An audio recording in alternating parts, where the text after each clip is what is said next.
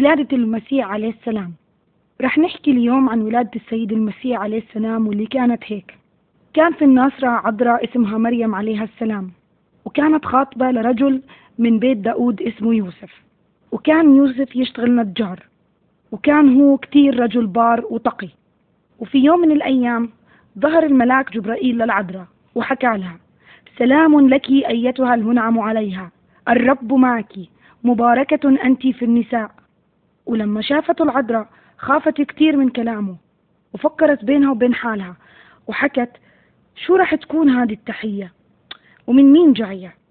فحكى لها الملاك عليه السلام لا تخافي يا مريم لأنك قد وجدت نعمة عند الله وها أنت ستحبلين وتلدين ابنا وتسمينه يسوع. هذا يكون عظيما. وابن العلي يدعى ويعطيه الرب الإله كرسي داود أبيه. ويملك على بيت يعقوب إلى الأبد ولا يكون لملكه نهاية. فحكت له العذراء كيف يكون هذا؟ وأنا لست أعرف رجلا. فرد الملاك عليها وحكى الروح القدس يحل عليك وقوة العلي تظللك فلذلك أيضا القدوس المولود منك يدعى ابن الله.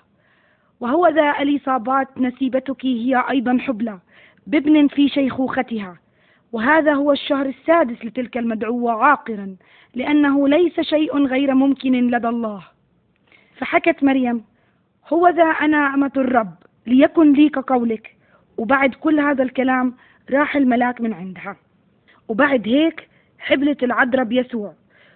ولما عرف يوسف زي اللي انفزع ومرة بالليل والأفكار بتتخابط براسه وبيفكر عماله بالحكي اللي حكت له إياه العذراء إنها حبلة ظهر له الملاك في الحلم وحكى له يا يوسف ابن داود لا تخف أن تأخذ مريم امرأتك لأن الذي حبل به فيها هو من الروح القدس فستلد ابنا وتدعو اسمه يسوع لأنه يخلص شعبه من خطاياهم.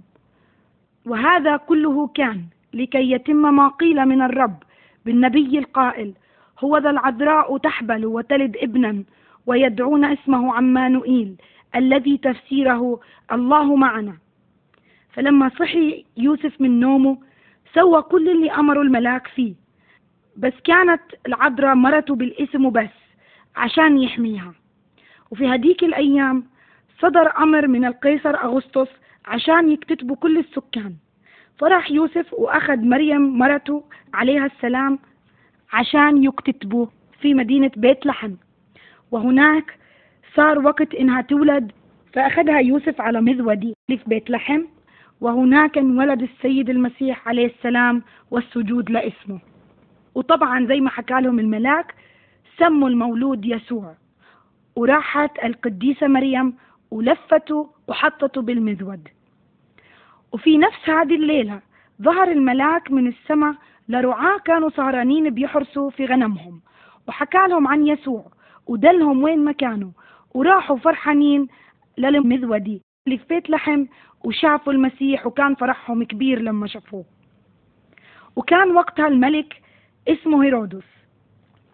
وفي يوم من الأيام راحوا عنده المجوس عشان يزوروه. وهدول أجوا من الشرق.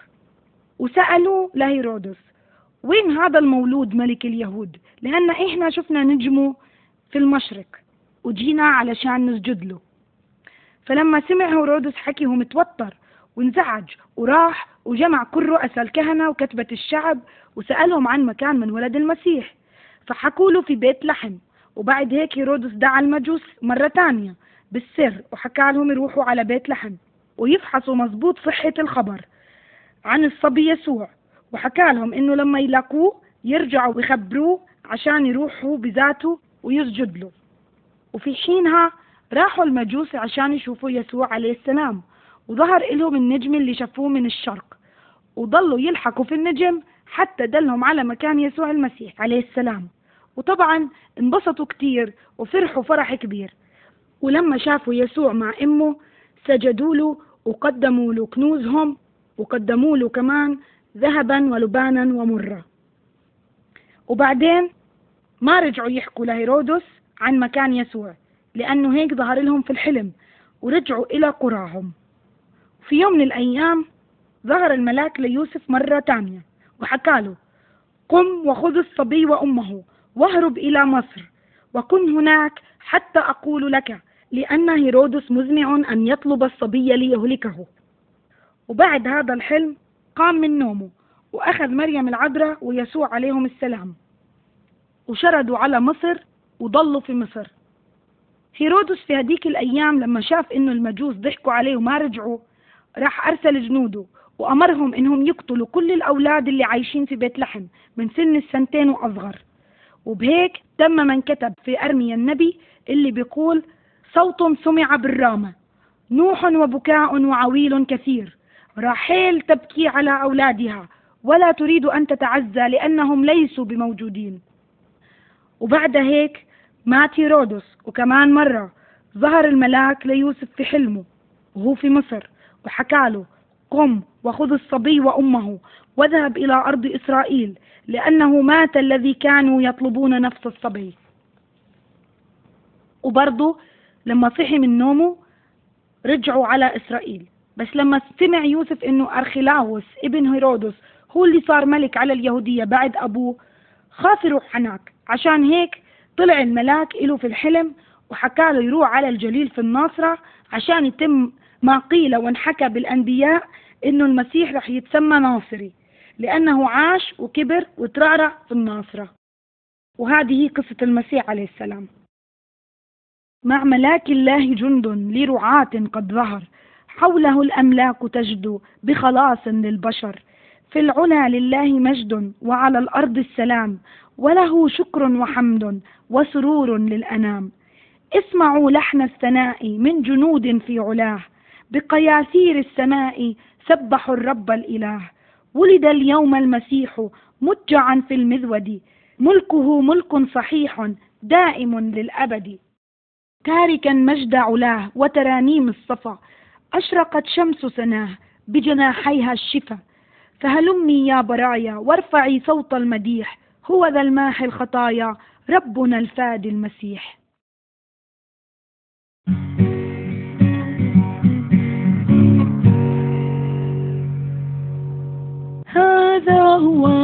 اليوم السعيد فلتفرح الشوق به أتى الفادي المجيد ليغفر الذنوب ليغفر الذنوب ليغفر الذنوب. هذا هو اليوم العظيم. وبهجة الأزمان نلنا به الوعد القديم برحمة الرحمن برحمة الرحمن برحمة الرحمن. هذا هو اليوم المنير بالكوكب المشرق. فيه أتت رسل القدير من أخير المشرق من أخير المشرق من أخير المشرق. هذا هو اليوم الثاني بمولد الرب. فسبحوا المولى الغني تسبيحة الحب. تسبيحة الحب تسبيحة الحب.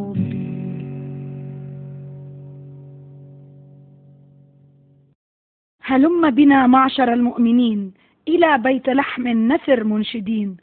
هناك لدى سيد العالمين لنسجد بحب له عابدين. مليك الملائكة السرمدي من العرش جاء إلى المذود برب المحبة فلنقتدي ونسجد بحب له عابدين.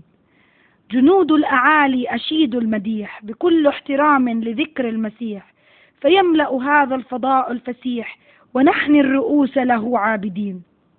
لك الحمد يا حي يا سرمد وشكر مدى الدهر لا ينفذ فأسنى العطايا ابنك الأوحد نقابلها بالثنى شاكرين.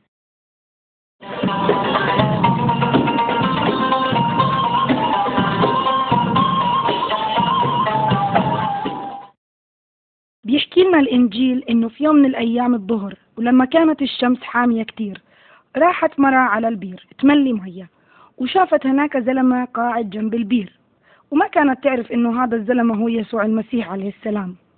وبعد ما ملت الجرة قالها يسوع أعطيني أشرب مية لو سمحتي. فاطلعت المرأة عليه وتفاجأت وقالت له باستغراب أنت مش من قبيلتي كيف بتطلب مني تشرب مية؟ لأنه أهل قبيلتك أصلا ما بيحكوا مع أهل قبيلتي بالمرة. فحكى لها يسوع لو إنك بتعرفي أنا مين كان أنت طلبتي مني أعطيكي مية تشربي وكان طبعا أعطيتك مية حية. فاستغربت المرة وحكت له شو؟ طب ما أنت ما معك دلو عشان تعبي مية وبعدين البير عميق كيف بدك تعبي مية وتعطيني مية حية أشرب؟ قال يسوع كل اللي بيشرب من مية البير هذه بيعاود يعطش بس اللي بيشرب من المية اللي أنا بعطيه إياها فمش رح يعرف العطش بالمرة لأنه المية اللي بعطيها أنا بتصير ينبوع من المية وتنبع لحياة أبدية. فصارت المرأة تشكي مع حالها وتقول شو شو هالزلمة؟ شو هالأخبار اللي بيحكي لي إياها؟ والله هذه أخبار بتفرح. قديش رح يكون هالإشي حلو وروعة لو إني ما بضطر أجي كل يوم عشان أملي مية وأشرب من البير. فحكت لي يسوع يا سيدي طب أعطيني من هاي المية اللي أنت بتحكي عنها عشان ما أعطش بالمرة وما أضطر أجي كل يوم على البير وأملي. فقالها يسوع روحي ارجعي لقبيلتك وجيبي جوزك معك لهون. فقالت له المرأة أنا ما في عندي جوز. فحكى لها يسوع مزبوط أنت بتحكي لأنه أنت كنت متجوزة خمس مرات واللي هو هلأ معاكي مش جوزك. فاستغربت المرأة وصارت تقول لحالها هذا الزلمة مش طبيعي ومش عادي. بيعرف كل شي عني بدون ما حدا يقول له. وبعد هيك حكت له يا سيد أنت مبين عليك إنك نبي ولا كيف عرفت عني كل إشي بدون ما حدا يقول لك؟ معقول أنت هو المسيح اللي حكوا عنه أبياتنا اللي رح يجي في يوم من الأيام ويعرف كل شي عن البشر ورح يفرجينا الطريق للحياة الأبدية. فحكى لها يسوع المسيح عليه السلام أنا اللي وعد ربنا بمجيئه. فالمرأة استغربت وراحت وتركت جرتها وراحت تركض للمدينة وصارت تصرخ وتنادي على الناس في بيوتهم اللي كانت تمر بجنبها وتحكي يا ناس يا عالم شوفوا تعالوا اسمعوا شفت واحد حكالي كل إشي سويته في حياتي بيعرف كل إشي. فكركم هذا هو المسيح اللي حكوا لنا عنه أبياتنا. والمرأة طبعا حكت اللي حكته لأنها آمنت إنه هذا هو النبي اللي راح يكون مخلصها. واللي راح يخلصها ويعطيها الحياة الأبدية. وصارت تقول للناس تعالوا معي وشوفوه عشان تصدقوا إنه أنا اللي بحكي مزبوط. هيوا عند البير. فطبعا أهل المدينة طلعوا يركضوا عشان يشوفوا ويتأكدوا من صحة الخبر اللي هي عم تحكيه. وإذا كانت المرأة بتحكي مزبوط ولا لا؟ في وقتها لما شافوه آمن الكثير منهم بالمسيح وبسبب كلام المرأة ولما شافوا يسوع ترجوا إنه يضل عندهم فضل عندهم يومين وآمنوا فيه كثير من الناس وقتها اللي سمعوه وطلبوا منه إنه يغفر خطاياهم ويعطيهم الحياة الأبدية. وعم على البلدة الفرح الكبير وحكوا للمرأة إحنا مش آمنا فيه عشان اللي أنت حكتيه عنه بس. إحنا آمنا فيه لأن سمعنا كلامه كله وهلأ إحنا بنعرف مزبوط إنه هو بالحقيقة مخلص هذا العالم. المسيح عليه السلام دائما وإلى الأبد راح يضل يعطي غفران الخطايا لكل اللي بيآمنوا فيه ولكل اللي بدهم يتركوا خطاياهم ويتبعوه وهو طبعا بالمقابل راح يعطي الحياة الأبدية للي بده إياها. فهل أنت موافق على عطية المسيح عليه السلام؟ لأنه يسوع موجود حوالينا كل مكان وكل زمان عشان يعطينا غفران الخطايا اللي بدنا إياها إذا إحنا طلبناها. آمين. Thank you.